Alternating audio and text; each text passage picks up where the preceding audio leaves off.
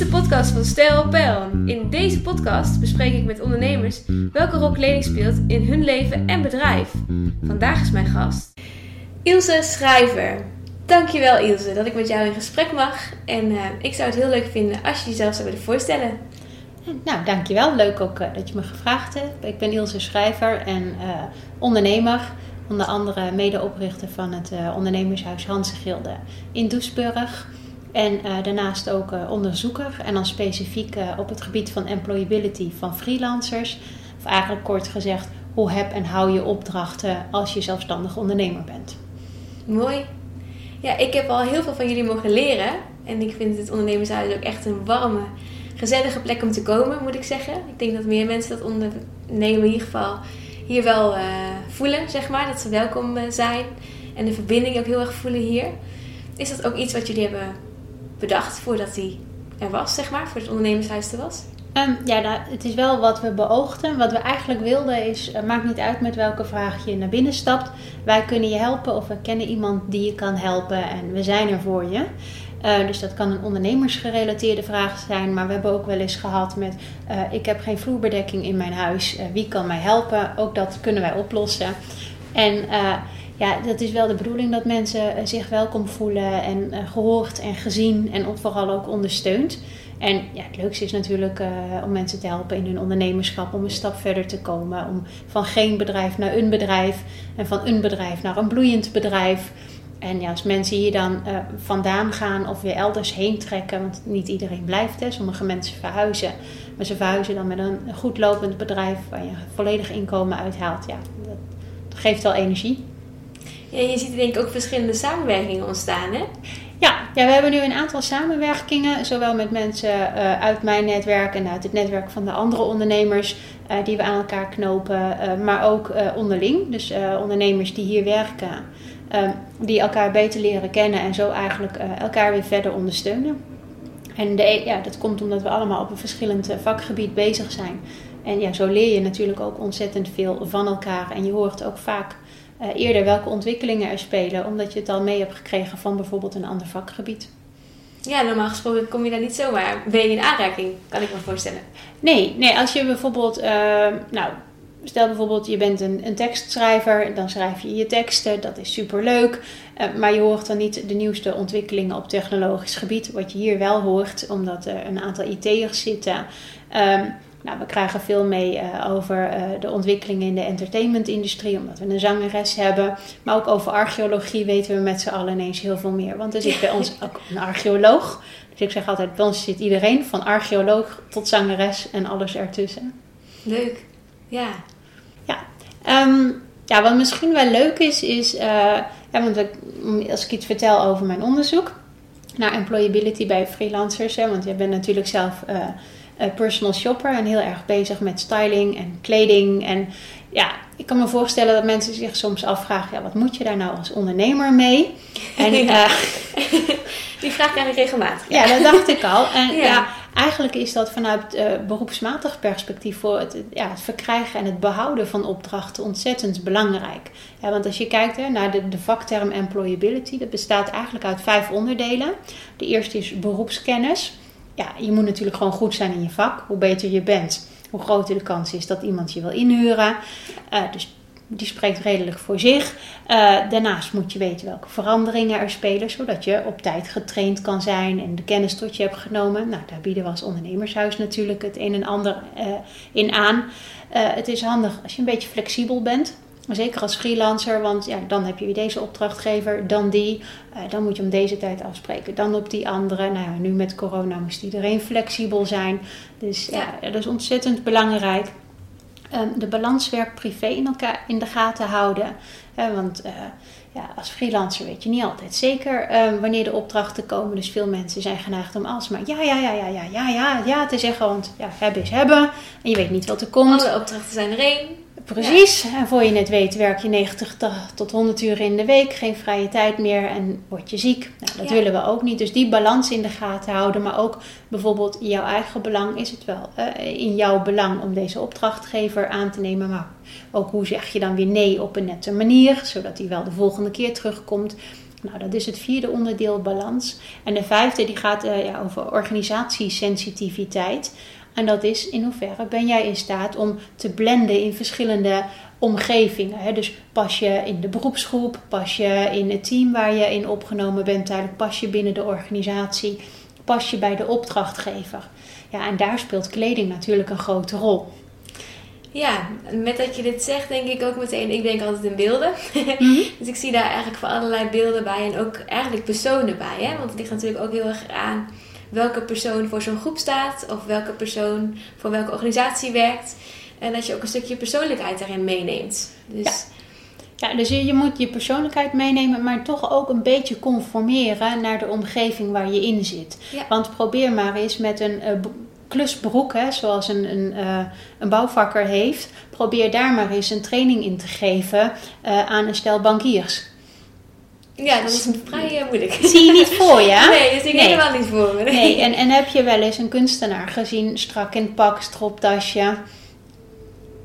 Nee, dat, dat past niet. En dan ben je dus eigenlijk niet organisatiesensitief. Nou, en vandaar dus dat het best belangrijk is om te kijken naar wat wil je uitstralen met je kleding. En past wat jij wil uitstralen ook bij uh, wat de opdrachtgever wil uitstralen. Ja, als iedereen bij de opdrachtgever in blauw loopt uh, en jij loopt in knal oranje, uh, dan val je op. Dat is dan ja, positief. Is, in essentie, hè, mensen onthouden je. Maar de vraag is of je ehm, opvalt op een manier dat je op wil vallen. Nou, en het mooiste vind ik zelf, hè, als je uh, zo organisatiesensitief bent, hè, dus dat je zo goed in de groep valt, dat um, mensen jou wel onthouden. Uh, op basis van jouw uitstraling, maar vooral dan weer op basis van je beroepskennis. Dus eigenlijk ondersteunt je uitstraling dan jouw kennis. Ja, en ja, dan is natuurlijk de kans dat je een uh, opdracht verwerft en ook behoudt en opdrachtgevers behoudt, wordt natuurlijk steeds groter. Ja, ja, ik zie ook veel, eigenlijk in, mijn, in de praktijk natuurlijk best wel heel wat ondernemers hiermee worstelen. Ook wel van, hé, hey, ja, wat draag ik dan inderdaad? En dan wordt het heel vaak de standaard basisgarderobe, wordt heel vaak naar gekeken. Maar past die basisgarderobe dan ook inderdaad echt bij jouw beroep en bij de organisatie waar je voor werkt of bij de persoon waar je naartoe gaat? Um, dus ik zou het heel, ik vind het niet gek dat hier heel veel mensen mee strukkelen. Want mijn werk is natuurlijk ook een vak. Het is niet iets wat er gewoon als hobby bij wordt gedaan. Um, ja. En dat is ook wel mijn ervaring hoor, dat mensen toch net vaak de plank misslaan. Ik zelf ook een keer. Hè. Ik zat uh, in een uh, best wel belangrijke meeting in mijn allermooiste kleren. En iedereen daar had een jasje aan en ik niet. nou, zo hebben wij elkaar ook leren kennen. Want ik dacht, ja, ik heb echt dringend een jasje nodig. Maar laat ik dan ook zorgen dat het dat goede jasje wordt. Ja. En uh, ja, maar goed, ik ben niet standaard. Uh, dus dat betekent dat een, een, een standaard grijs of blauw uh, of zwart jasje, dat past dan weer net helemaal niet bij wie ik ben. Um, dus het moest een net iets ander jasje worden. Ja, en dan is het ideaal om inderdaad uh, nou, jou als personal shopper in te kunnen huren. Want ja, we hebben met elkaar gepraat. En van daaruit zei je, ah, nou, dat moet een warme uitstraling. En dit is de kleur die mooi bij je staat.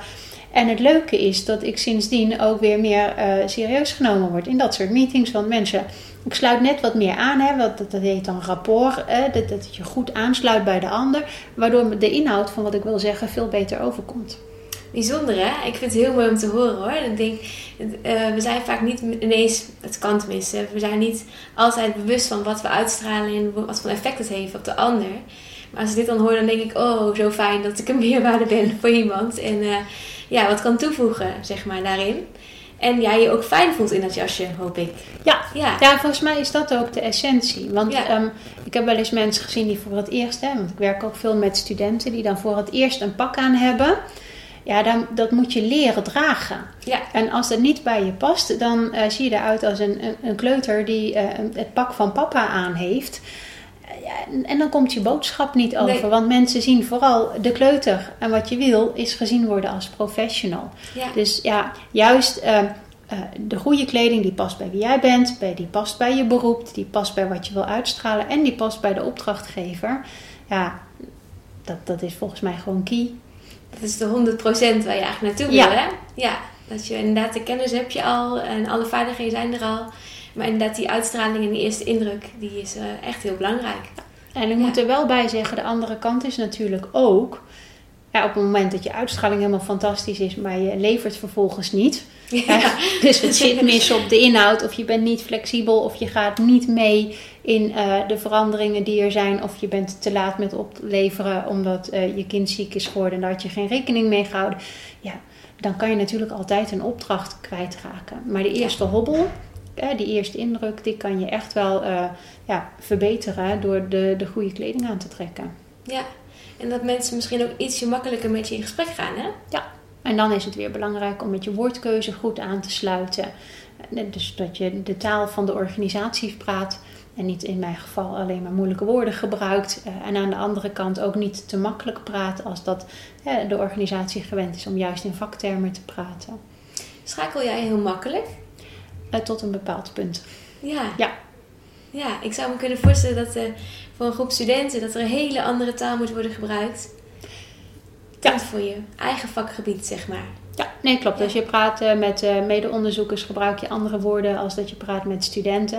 En daar gebruik je ook weer andere woorden als dat je praat met ondernemers. Ja. En dat is ook helemaal niet erg, want er zijn heel veel manieren om dingen uit te leggen. Ik heb alleen persoonlijk weer een hekel aan het woord Jip en Janneke. Vind je te Jip en Janneke? ja, dan denk ik, ja, het is niet altijd simpel en het hoeft ook niet altijd simpel te zijn. Aan de andere kant is het ook niet nodig om hele ingewikkelde woorden te gebruiken. En ja, wat dat betreft is het eigenlijk net als met kleding. Je geeft een eerste indruk af. En uh, het is gewoon fijn als je aansluit bij de kennis en de woordenschat van de ander. Ja. Maar dat wil niet zeggen dat je altijd maar in Jip en Janneke taal moet gaan praten. Nee, het is wel interessant. Het zet mij ook meteen aan het denken dat je, je mag inderdaad wel gewoon je eigen woorden gebruiken. En het hoeft niet altijd heel simpel te zijn. Wat je zo zegt. Ja. En ik vind het wel een heel mooie podcast waarmee jij al allerlei handvatten geeft. Eigenlijk en ook aan andere ondernemers. Heb je nog een laatste tip waarvan je denkt, ja, dit is iets, daar zou ik graag rekening mee houden? Of Um, als ik andere ondernemers zou mogen adviseren, zou ik zeggen: investeer in uh, je eigen ontwikkeling. En investeren klinkt altijd heel duur in euro's, uh, maar het zit hem ook uh, in, in, het blijven opleiden, blijven praten met mensen. En soms zit het wel in euro's, want ja, een goed geïnvesteerde euro levert meerdere euro's op. En dan Ja. denk ik van ja. Doe dat een keer wel, gun het jezelf. Want straks, hè, als je makkelijker opdrachten krijgt, dat je bijvoorbeeld de juiste kleding hebt, of de juiste woordkeuze, of de juiste kennissen, want daar draaide het uiteindelijk ook om.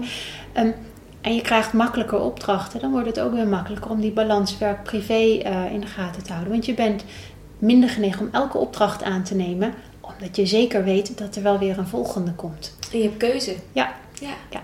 Dus uh, investeren in jezelf in alle opzichten leidt gewoon tot keuze en daarmee tot vrijheid. Mooi. Nou, dankjewel Iels. Ik wil je bedanken voor deze podcastopname. En uh, leuk om met je in gesprek te mogen. En ook om te horen over het ondernemershuis en hoe dit allemaal, nou ja, dat je tips geeft voor de ondernemers. Dankjewel lieve luisteraar dat je het helemaal tot het einde hebt geluisterd. En graag tot de volgende keer. Dankjewel voor het luisteren. Tot de volgende keer.